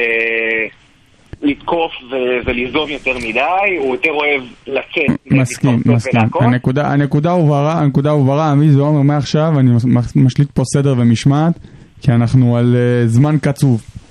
אוקיי. יאללה, אנחנו אה, ממשיכים אה, בדיון, אה, הוא- עוברים לנציגה הצהובה אה, של העיר תל אביב. אה, אני כבר שומע את יצחקי מדבר על זה שכבר יש סיכוי שהוא ידבר על סוף העונה, שהוא מקווה שהוא יאמן סוף העונה, מקווה שזה לא יקרה, אולי זה כן יקרה. אני רוצה לגעת רגע בנקודה אחת מקצועית ובנקודה אחת ניהולית אה, ולשמוע את כל אחד את עמדתו בנושא. אחד, אני חושב שניהולית זה כישלון גדול של מכבי תל אביב. נכון, נסיבות מקלות, קורונה, עניינים, בידודים, ממש ממש אמצע עונה, קשה להביא מאמנים, ועדיין אני חושב שאם זו הייתה קבוצה אחרת, נכון שמיץ' גולדהר הרוויח את ה... את ה... בוא נגיד את הזמן הזה שאנחנו לא מבקרים אותו בחריפות, אבל בגדול זה לא נראה טוב. אני הייתי בטוח שינחת פה מאמן תוך כדי הפגרה, יעבוד על הקבוצה וזה לא קרה. לפי דעתי זה כישלון ניהולי. שתיים, ברמה המקצועית, ראינו את אה, יצחקי נותן את המפתחות בהתקפה לחבר שלו, טל בן חיים, וזה היה טוב. כן. זה היה טוב, טל בן חיים היה טוב. גם, חוזר גם גול. גם איזה החמצה מול שוער, אבל היה, היה, הזכיר קצת את עצמו. לגמרי. חבל לליגה. יש פה הסכמות, אה, יש פה הסכמה של תמימות דעים. יש הסכמות. תשמע, זה, העניין של המאמן זה שוב, זה, זה מה שגם עמית אמר קצת קודם. אה, בשוק הישראלי זה לא שמכבי תל אביב הביאה מאמן ישראלי. לא, אני לא- אני וזה- לא חושב שהיא גם חיפשה אבל בשוק בטח הישראלי. שאין, בטח שאין.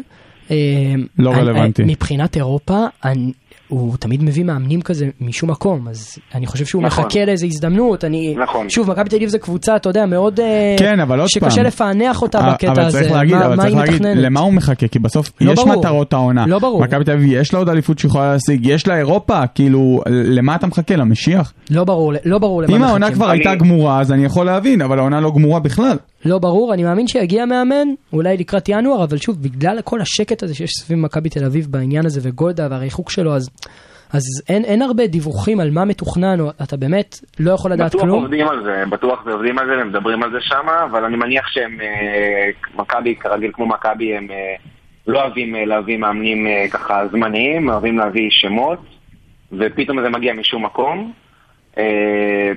אה, ותשמע, בשקט בשקט, כן? אה, אמנם, אתה יודע, מכבי לא עכשיו אה, מבריקה יותר מדי, עדיין ההגנה הכי חלשה בליגה, אה, שזה אבסורד, אבל אה, ברק יצחקי רגע נותן ביטחון לשחקנים. זה לא שהקבוצה נראית אה, כל כך רע, והליגה שלנו בסך הכל היא גם די חלשה. אה, אז הוא כבר טיפס למקום השישי, אם אנחנו מתעלמים מהמשחק... אה, כן, תשמע, בוא. סביר להניח שאם הם ייכנסו עכשיו לאיזשהו רצף של ניצחונות הם ידבקו לחיפה ובאר שבע, גם צריך להגיד, יכול להיות שחלק מה-. שחלק מהתוצאות של מכבי תל אביב זה העובדה, הנה אנחנו רואים פתאום את ברדלי קורבס נכנס לעניינים. יכול להיות שחלק מזה זה גם שהשחקנים יחסית הגיעו מאוד מאוחר הזרים, וגבי הגיע מאוד מאוחר, ו- ודן ביטון הגיע מאוד מאוחר, ויכול להיות שבאמת, מה שהם היו צריכים זה עוד זמן רגע להתחבר. ויכול להיות שגם עם, אה, עם פטריק זה היה נראה יותר טוב. יש להם סגל יש להם סגל, מטורף. מס- בוא נגיד, בטוח יש להם סגל יותר טוב מלהיות איפה שהם נמצאים. אה, לגמרי. אחלה, אני נועל את הדיון בזאת על אה, מכבי תל אביב. אני רוצה שתי נגיעות קצרות על אה, שתי קבוצות, האחת מאוד חיובית והאחת מאוד שלילית. מה אתם רוצים להתחיל עם החיובי או השלילי? אני גם רוצה, טוב, אה, חיובי, תמיד טוב, אני מקווה אה, שזה אה, אני מקווה שזה בני סכנין, כי יש לי הרבה דברים. זה. בני סכנין. אתה יודע גם מה. זה יפה, אמרת אני רוצה. אני רוצה, אז פעם הבאה אתה תכין את הליינאפ, אני אבוא לפה אוקיי. ואדבר על מה שאתה רוצה. אבל הנה, יצא לנו טוב. בסדר, אין בעיה. זה בגלל שאמרת לי אתמול, אני רוצה לדבר על סכנין. בבקשה, אני מקבל- את ההערות של הפרטנר. יפה. טוב, בני סכנין עם שרון מימר, אגדי. אגדי. באמת אה, עושה עוד ניצחון יפה אתמול על אה, בית"ר ירושלים. עכשיו, אני, אה, הנקודות הטובות שלי לגבי בני סכנין, זה העובדה שהיא עומדת בציפיות. הנקודה הרעה שלי, שאני חושב שקצת מנמיכים לה את הציפיות. זאת אומרת, סכנין, שהביאה בקיץ את מרואן קאבה, ואת בירם קיאל, ואת אה, גיא מלמד, תשמע, גיא מלמד. כוכב. כדורגל, כוכב כדורגל. אני אומר לך- אה, רגע, והזר הזה, איזה גול הוא נתן אתמול שפסלו באופסייד? בואנה, כן, איזה וואו, בעיטה. מטורף. על אדוניו בביתר ירושלים. מטורף. ממש. לגמרי. אה, גם ממש יש להם גולים יפים, אבל בקיצור, תשמע, גיא מלמד שווה הרכב במכבי חיפה היום. אני חושב. אני חושב שאתה לא, אני חושב שזה נכון. שאם הוא שווה במכבי הרכב. חיפה הוא צריך לשחק ראשון. בהתאם למקבילים כן. בקבוצה.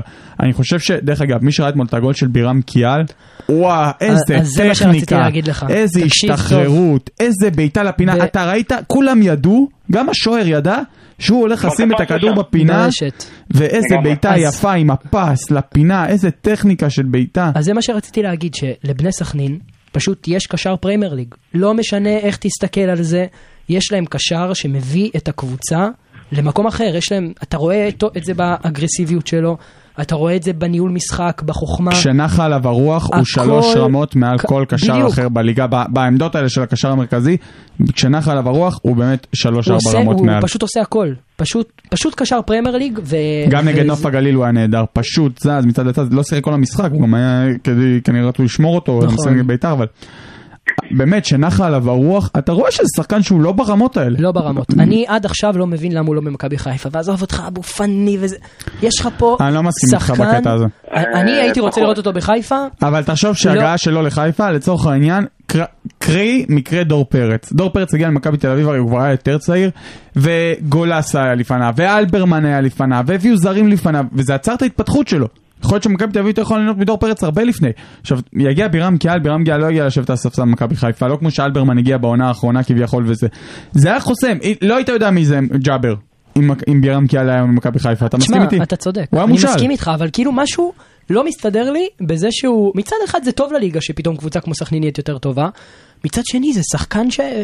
שצריך יותר, לא יודע, להיות בקבוצה יותר טובה, יותר אפילו באר שבע, משהו ש... שהכוח שלו יוכל להביא... הנה, הוא מביא את בני סכנין למקום אז, אז. תשמע, אם, אם בני סכנין תישאר בצמרת כל העונה, אז יהיה הישג מדהים, והביאו לו עוד שחקנים טובים סביבו, אבל וואלה, אולי, אתה יודע מה, אולי אני טועה, אולי, אולי דווקא שהוא, אולי דווקא בגלל שהוא בסכנין זה הופך את הליגה ליותר טובה, כי בסוף עוד קבוצה כזאת כמו סכנין שמדגדגת את הצמרת זה עושה טוב לליגה. אז אולי אני, אה, אולי אני נכון. טועה, אתם יודעים מה, אולי, אולי באמת מקומו בסכנין דווקא, דווקא נכון. מאוד אהוב שם, מאוד רצו אותו שם, אתה יודע, שחקן אה, שקבוצה באה ואומרת לו בוא תיקח את המושכות, כבר, אה, אתה יודע, בגילו נראה לי שזה עדיף לו, מאשר להגיע ולהתחרות על מקומו במכבי חיפה. ושרון מינר, שלפני אה, חמישה מחזורים התחילו להגיד... דרך "אה, הביתה, כן. זה, פה, שם, מפה לשם, קבוצה נהדרת. נתנו לו. שלישייה ממש, נראים טוב, אבל עוד פעם, עם הסגל הזה, הם צריכים להיות שם, בגלל זה אמרתי להפועל תל אביב אולי יש הסגל הרביעי הכי טוב בליגה, אז אמרתי אולי עם סכנין. אבל לגמרי שם, הם בטח לא במקום אחר, וכל דבר פחות מפלייאוף עליון, זה כישלון עם סגל כזה, אני חושב שאנחנו מסכימים על זה. צריך להגיד את האמת. אה, נכון, נכון. עליון, אה, כן. תחתון. עם סגל כזה הוא מסיים בפלייאוף תחתון, לא יודע מה, נתניה מעליו, אה, לא יודע מה, חדרה מעליו, זה כישלון, כישלון עם סגל כזה. כשמביאים לך בקיץ את בירם קיאל ומרואן. קאבה וגם עם עוד מלמד. שחקנים, ברשצקי, רז שטיין, ברשצקי בכלל לא מהספסל אה, עכשיו. אה, יפה, אחלה. והנקודה השנייה, הקבוצה השנייה שאני רוצה לדבר עליה ממש בקצרה, מכבי פתח תקווה. אה, פתיחה לא טובה לעונה, ארבע משחקים בלי ניצחון, לפחות אתמול נתנו גול ויוצאים נקודה. גול יפה. גול, בעיטה נהדרת של מי אזולאי. זה הבחור הזה? אזולאי. כל- מחלקת הנוער של מכבי פתח תקווה נהדרת, באמת נהדרת. לגמרי. אני חושב, אני רוצה לשמוע את דעתכם בסוף, גם כולנו מבינים שמגיא לוזון לא יפוטר מכבי פתח תקווה. שאלה היא, האם אין זו בעיה ברמה התפיסתית של הבעלים של המועדון יותר אכפת מהמאמן מאשר לקבוצה? כאילו מבחינתו, תשאל אותו, תשאל אותו לרדת ליגה עם גיא כמאמן, או להישאר עם מאמן אחר, אני חושב שהוא יגיד לרדת עם גיא. אבי לוזון, לדעתי, בסופו של דבר הוא בעלים שהוא בא לעשות כסף. ואם אתה מסתכל על מחלקת הנוער של אה, מכבי הוא לא בא- הוא לא בא לעשות כסף. הוא- תשמע, מה זה בא לעשות כסף? יש לו מחלקת נוער מהטובות, כן, הוא מכר את אה, מנור סולומון, הוא מכר את ליאל עבדה. נכון, אבל הוא אה, לא, הוא הוא לא מושך מזה, צריך ל... רגע. אני אני רק רוצה, עוד פעם, אני ואתה ולחכימי זה אולי ברור, ואני רוצה להסביר גם למאזינים, זה לא שאבי לוזון מרוויח לא כסף זה לא. שחסר לו משהו. זהו, זה כסף. שבסופו של דבר נכנס לתפעול המועדון. נכון, אבי לוזון גם לא אחרי זה מוציא כסף מכיסו כדי לנהל את המועדון, אבל זה נכנס לתפעול השוטף, זה לא שמכבי חיפה מוכרת סלומון, מוכרת זה דמארי, משהו מוכרת בן חיים, בטוח מוכרת בו? הבד... ברור. ידוע. זה- ברור, לא- אין, לא- בעלים לא- בכדורגל, רגע בוא בוא נשים את הדברים על השולחן, אין בעלים בכדורגל הישראלי שמרוויח כסף מהקבוצה שלו, בסדר? חוץ מאלי טביב. אף אחד לא מרוויח כסף, כולם רק מפסידים כסף, דרך אגב, גם בעולם. למה, מכבי- פתח תקווה שמכרה עכשיו את מנור סולומון וליאל עבדה, אתה רוצה להגיד לי שזה מועדון שהוא נמצא בהפסדים? לא, לא כאילו, בהפסדים, לא בהפסדים, אבל הכסף הזה נשאר בקופת המועדון, וממנו אתה ממשיך לתפעל את המועדון שנים קדימה. כן, הוא לא מחתים אתה לא. השורה התחתונה שהכסף הוא הזה, לא- גם אם יש לא- עכשיו... הוא לא מנחית, הוא לא, הכוונה שלי זה שהוא, זה לא מועדון שבא ואומר, אני בא עכשיו להתחרות על האליפות. ברור, לא, אני רק רוצה להסביר, רגע. רגע, שנייה עמית, שנייה עמית, אני רק רוצה להסביר את העניין הכלכלי. גם אם יש עכשיו הרבה כסף בקופת המועדון, נגיד מכרו את עבדה, מכרו את אה, סלומון, נכנס איזה 40 מיליון שקל ביחד, לא יודע, משהו כזה, בערך איזה 10 מיליון יורו, פלוס מינוס, זה לא שבא הבעלים וימשוך את זה לכיס. זה לא קורה בכדורגל הישראלי, בעלים לא מרוויחים כסף מהקבוצות האלה, זה נשאר בקופת המועדון ועוזר לתפעול שוטף, הפרעת רכש אחר, השתגה במחלקת הנוער, מקסימום נשאר לשנים קדימה להשקיע כסף. ואז זה חוסך על ערוץ לחפש אחרי ספונסרים, אבל אף אחד לא מרוויח כסף מהכדורגל. זה היה חשוב להעביר את הנקודה הזאת, עכשיו רוץ עמית. בקיצור, אה, מכבי פתח תקווה אה, יוצרת למחלקת נוער שלה שם אה, מצוין. מכרו את מנור סולומון, מכרו את ליאל עבדה, אתה רואה שזו קבוצה שמאוד חשוב לה לשלב את הצעירים שלה, ואני שומע שהרבה מאוד צעירים מאוד היו רוצים שאבי לוזון ייקח אותם תחת חסותם. חד משמעית. אבי לוזון זה שחקן, זה מעלים שיודע לקחת שחקנים ולקדם אותם. אבי לוזון יודע לשחרר את השחקנים בזמן, בניגוד למכבי תל אביב ולקבוצות אחרות שיש להם כוכבים שלדעתי מזמן, נגיד דור פרץ היה צריך לצאת לאירופה, לא יצא, לא חשוב.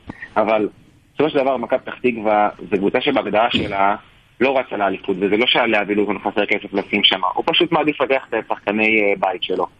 ואם אנחנו שמים את הדברים על השולחן, מכבי פתח תקווה פחות או יותר נמצאת במקום שהיא ראויה להיות בו מבחינת הסגל שלה. זה לא שעכשיו, אה, אתה יודע, מה? הביאו שם שחקנים מפוצצים. אני מסכים איתך והכל, אני לא מבין מה האוהדים רוצים מגיא לוזון. כאילו בסדר, הקשר, סבבה, אה, אה, דוד שלו, לא דוד שלו. מה, מה הם רוצים? שורה תחתונה, מה, מה הטענות שלהם? זה מישהו, מישהו הבין את זה? טענות של מכבי, תשמע, גיא לוזון, שוב, בדומה להרבה מאוד מאמנים ישראלים, לא מאמין במשחקי התקפה יותר מדי אה, רווי, ואני זוכר את זה גם מעונתו בהפועל תל אביב, שהוא הגיע, ומה שאפיין בעיקר את המשחקים שהוא אימן, זה מחויבות מאוד גדולה של השחקנים, ואיזושהי התלהבות. אה, אבל הכדורגל לא היה משכנע.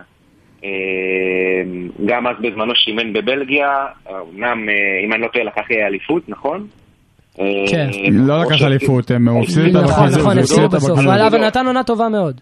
נתן עונה טובה מאוד. אה, תראה, אני יכול להבין את האוהדים של מכבי פתח תקווה, כי מכבי פתח תקווה לא נראית מספיק טוב, אבל יש, יש הרבה מקום גם לבוא בטענות לאבי לוזון. מצד אחד אתה כן רוצה לשתף את השחקנים הצעירים ולקדם אותם ולהמשיך להוציא אותם לאירופה, וככה בעצם בסוף, בסופו של דבר אתם בונה את השם של המועדון. אבל אה, בסוף לא הנחיתו שם שחקנים טובים עם הכסף הזה שהם קיבלו, והם פחות או יותר נמצאים במקום שהם ראויים להיות בו. מכבי פתח תקווה, אה, כשאין, אתה מוציא לה את ליאל עבדה ואתה מוציא לה את מנור סולומון ואין איזה כוכב גדול שיעלה ויסחוב את הקבוצה הזאת קדימה לפלייאוף אה, תחתון גבוה או פלייאוף עליון נמוך, אז הם יהיו איפה שהם יהיו.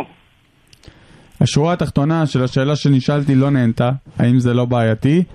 אנחנו נועלים בזאת את uh, חלק הכדורגל הישראלי, ואנחנו כבר כבר נמשיך עם סיקור הבלון. כבר חוזרים. המקסימום המינימלי. כדורגל בגובה העיניים. עם לירן הדסי.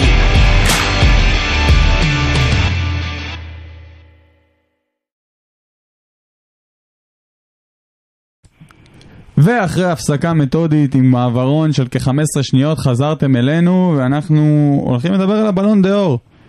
אה, כדור הזהב חולק השבוע, בוא נגיד באופן לא מפתיע ליאונל מסי זכה בו, אני אומר לא מפתיע כי פשוט היה הדלפות. כי חשבנו, והרשת אה, סוערת, סוערת, למי שלא מכיר אז ככה בקצרה, שנה שעברה בעצם ביטלו את הפרס אה, לאורך, לאור זה שאמרו שאין ערך משהו כזה ספורטיבי בכדורגל וזה זה. אה, נדב יעקבי שהוא נציג אה, פרנס פוטבול בארץ, הוא בעצם העיתונאי שבוחר אה, את בחירת העיתונאים, מה שנקרא, לפרס הזה. טען, אה, שמעתי אותו מדבר בפודיום, ואומר על זה שזה באמת עניין, שלפי דעתו זה עניין נטו כלכלי. כמו שראיתם, מתקיים שם טקס גדול עם המון ספונסרים ונה נה נה. וברגע שאי אפשר לעשות את זה, אז מבחינתם אין טעם בחילוק, בחלוקת הפרס, וכולם מסכימים אה, באופן חד משמעי, כולל ליאונל מסי עצמו, אמר את זה בנאום שלו, שרוברט נבנדובסקי היה זוכה בשנה שעברה בקלילות. אה, השנה הוא סיים מקום שני אחריו. ואני אני חושב אה, שצריך להגיד פה שתי דברים. אחד, לפי דעתי, ללבנדובסקי הגיע גם השנה. אה, דבר שני, אני חושב שיש פה קצת, אה, קצת אובר מסיות. כאילו קצת אנשים נשבו בקסם. אני באמת, עזבוב את זה שהייתה לו עונה טובה בברצלונה. וגם היה לו, למרות שבגמר של הקופה הוא לא היה טוב, אבל היה לו קופה מצוין, באמת. ועדיין, רוברט לבנדובסקי שנה שעברה כמות שערים מטורפת בליגה, ה... אני מדבר על החבר'ה שסיימו אחריו, אחרי מסי, כן? כמות שערים מטורפת בליגה הגרמנית. אם היה נפצע באפריל, אז לפי דעתי הם גם היו לוקחים עוד פעם את uh, ליגת האלופות. ז'ורג'יניו, סיים שלישי, uh, ליגת אלופות ויורו. קרים בן זמה רביעי, גם כן עונה אדירה uh, בריאל מדריד, וחצי גמר ליגת אלופות הם עשו בסוף. כן, חצי. רבע או חצי? רבע חצי, לא, לא, חצי, לא משנה, לא גדולה. קנטה, אה, שהיה אדיר, אדיר בזכיית ליגת האלופות אה, של צ'לסי. אה, באמת, הרשימה עוד ארוכה, אבל אני, באמת, לעניות דעתי, לפחות אני חושב שלבנדובסקי היה צריך לזכות בזה, וגם בזה של העונה שעברה. עומר, מה, עמדתך? אני ברשותך הבאתי איזה ציטוט שראיתי, תצטט לי. שלדעתי, הוא די מסכם את דעתי על הפרס הזה. אה, ציוט של אסטבן קמביאסו, האגדי. אגדי! כן, אומר, אה, קמביאסו אומר על כדור הזהב, הפסקתי להאמין באופן רשמי בפרסים אישיים ב-2010. באותו יום שגיליתי שמיליטו מחוץ לטופ 30 שחקנים, לא חמישה או עשרה, אמרתי שאני יותר לא מבין את הפרסים האלה. עכשיו, רק נזכיר, ב-2010 אינטר זוכה בטראפל, באליפות, בגביע איטליה וליגת אלופות, והוא לא עונה מאמין. הדרית, אה, ודייגו מיליטו באותה עונה סיפק לא פחות מ-30 שערים, 8 בישולים ב-52 הופעות. דרך אגב, זה, המועמדים היותר גדולים לזכייה באותה שנה בפרס האישי היו צ'אבי ואיניאסטה. עונה גד- גדולה של אה, ברצלונה. אתה מדבר על 2011, לפי לא, דעתי. זה 2010. לא, אבל הם זכו ב-2011. הם זכו בשנה אחרי, כן. כן, 2010 היה- לדעתי רונלדו זכה. 2010 לא, מסי זכה. כן. מסי זכה, להם וזה היה. אחרי הגמר אה, כן. הגמר של איניאסטה וצ'אבי. לפי דעתי נכון. הוא מדבר על 2011, סתם יצא לו בטעות. לא משנה, השורה התחתונה שיש הרבה זעם ברשת. אה, למי אתה חושב שיגיע כדור הזהב? נשאל את זה ככה.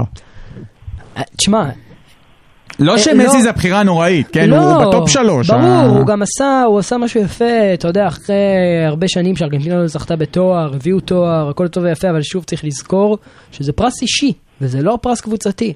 ומסי היה לו אמנם חלק מאוד משמעותי בזכייה בקופה אמריקה, אבל, אה, אבל בסוף, גם אתה בעצמך אמרת, בגמר הוא לא היה השחקן המרכזי, אה, גם לא בחצי אפילו. אה, ולבנדובסקי, תשמע, הבן אדם נותן מספרים בלי הפסקה כבר שנתיים. לא נדבר כבר על, על ההגמוניה בגרמניה, שהיא ליגה חזקה מאוד.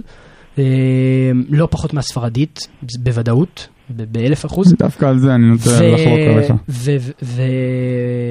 והליגת אלופות, כמו שאמרנו. אה, בסופו של דבר הוא גם צריך להגיד, זה נתן, הוא קיבל את הפרס הזה על עונה די גרועה של ברצלונה. נכון שהוא כן. היה מצוין. אה, זה מה שאני אומר, זה נטו 30, הנבחרת. אה, כן, זה נטו הנבחרת, זה וזה מרגיש. קצת, אה, כמו ש...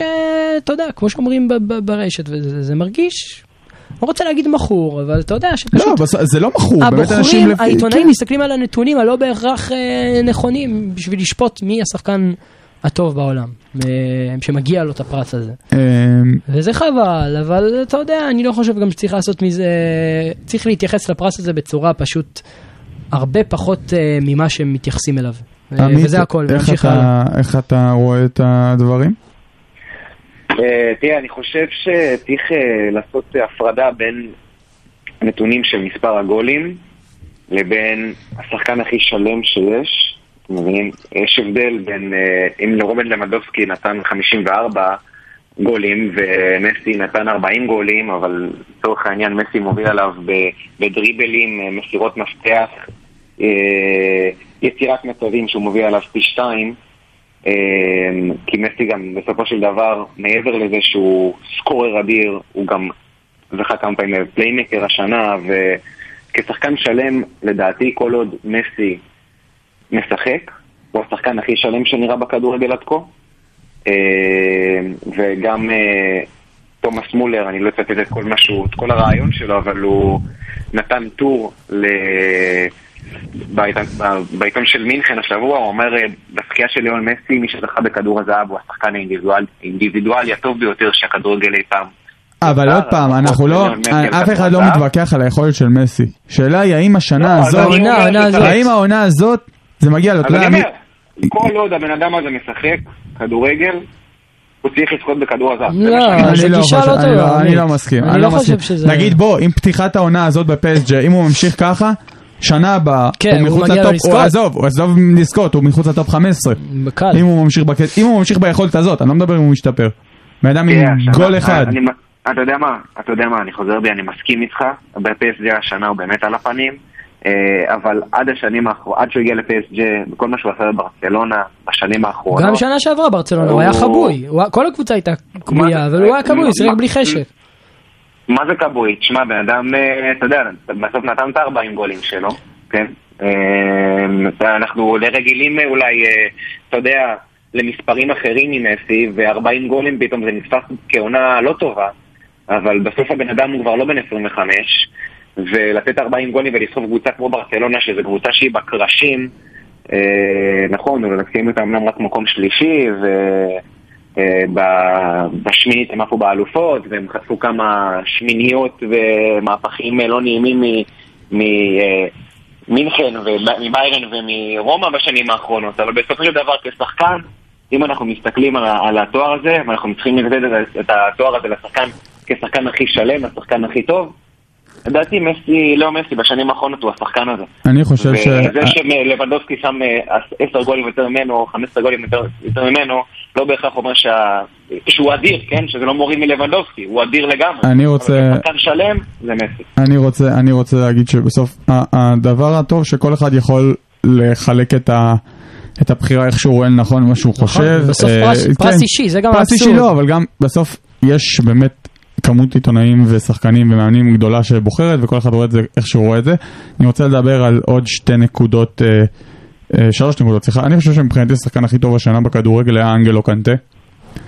אה, אני חושב שמה שהוא עשה בצ'לסי, אולי זה קצת נשכח, כי היה יורו בין לבין, ונבחרת צרפת לא כזאת יודעים, אבל אני חושב שהעונה שהוא נתן בצ'לסי היא על גבול העונה הכי טובה שקשר אחורי נתן אי פעם, ואני עד חושב ש... עכשיו, גם עכשיו. אני חושב שמבחינת, אני חושב שעוד כמה שנים ידברו עליו כקשר אחורי ששינה את המשחק, ביכולת שלו לכסות שטחים, אנחנו כולנו, כולנו מסכימים, אני חושב שזה משהו שלא היה אף פעם, ואני חושב שזה, אני, אני חושב ש- שהוא יגמור את הקריירה שלו, יגידו שהוא היה מהפכן בקטע הזה, ואני חושב שהוא הביא את העניין הזה של סגירה של קשר אחורי בהגנה, כאילו כולם אומרים ההגנה של צ'לסי זה לא הגנה של צ'לסי, זה קנטה. טוב להיות הגנה טובה כשהכדורים לא מגיעים אליך, זה ממש קל אפילו. אה, אני חושב שלא תשמע, הגיע. הם גם משחקים עם שלושה בלמים, זה אומר כמה הם סומכים על הקישור. אבל לא שלושה בלמים, כמו, כמו בנבחרת וכזה, שיש שני מגנים שעושים הגנה. הם משחקים שלושה בלמים, שני מגנים שמשחקים כמו קיצוניים. כן, זה מראה. כמה הם סומכים על קנטה. לפחות לעמ- לעמדתי הוא היה צריך להגיע לשם. גם מאוד מעניין להרחיב את הדיון על מי אנחנו רואים בשנים הבאות, חוץ מכנראה אמבפה ואלנד וסאלח אולי נאבקים על, ה... על התואר הזה, מעניין לראות. אני רוצה לתת עוד שתי נקודות לגבי חבר'ה שהיו בעשירייה השנייה. אז uh, ג'ורג'ו קיאליני ולאונרדו בנוצ'י הגיעו כצמד במקום ה-13 ו-14, שמגיע להם uh, אחרי הזכייה האדירה uh, בגמר. ש- איפה דונרומה שם ברשימה? דונרומה עשירי. דונרומה עשירי? עשירי. אוקיי. שלושה נציגים לפסג' בעשירייה הראשונה, אה. צריך להגיד את זה. אמ, אז אה, באמת על היורו האדיר עם איטליה, חכימי שהיה שליחנו לגמר, הוצאנו אותו ככה מהתקציב של ה- של הפודקאסט והביא לנו שם הרבה כבוד. ב- כן. עם תג עיתונאי וחולצה של ג'ק רילי, שלא נמצא לפי דעתי במועמדים לכדור הזהב, לפי דעתי אולי ברשימה. ואני רוצה לדבר על עוד אה, סיפור אחד, במקום ה-18, שחקנה של מילאן, סיימון קר, קפטן נבחרת דנמרק, אה, שכולנו יודעים למה הוא קיבל את זה בעצם על כל מה שקרה שם עם אריקסן, ואיך שהוא הלך והחיה אותו והעמיד את הנבחרת כן, זו- ככה זו שיחסו באמת אותו. הסיבה? ברור, אה, לא, לא על... אה, לא על אה, קטע מקצועי, ריאד באמת אחריו, ברונו איך אחריו. הגיע, איך הוא השתחל ל- למקום אז זהו, גם, ה-18 גם נדב דיבר על זה, נדב דירג אותו שלישי. סתם כאילו, שתדעו. וואלה. כן, הוא דיבר על זה, או רביעי, לפי דעתי, אה, נדב יעקבי. אה, אנשים רצו להעריך את מה שהוא עשה, שזה באמת מעבר לכדורגל, חוץ מיורו אדיר של דנמרק, והוא הקפטן שלה, וגם גם עכשיו אנחנו רואים מה דנמרק עושה במוקדמות. נבחרת, מה- דיברנו על זה. מועמדת. חזקה מאוד, ל- לפי דעתי, גם למונדיאל, כן. וגם קדימה, נראית מדהים, אה, וזאת בלי אריקסן. אז אה, זה הנקודות אה, שרציתי ככה להעלות. עומר, עמית, היה כן. נהדר, היה אחלה פרק. היה אחלה פרק, אוהב אתכם. מת נסיעה קלה לבש. היה נסיעה קלה לבש. תודה רבה. אה, דש לרו- דש לרוקאביצה. מכיר את האלה ששוכחים שהם על דש הקלטה? לרוקאביצה. אל תשכחו ששבת... רגע, אתה רוצה שאני אחזיר אותו? עמית, כן, עמית. תביא לי אותו. האלה ששוכחים שהם מוקלטים. אל תשכחו שבת בשמונה יש לנו הדלקת נרות, תבואו- רעבים. יאללה, היה אחלה פרק, לכל המאזיננו, מקווה שנהנתם, משתמע. המקסימום המינימלי. כדורגל בגובה העיניים. עם לירן הדסי.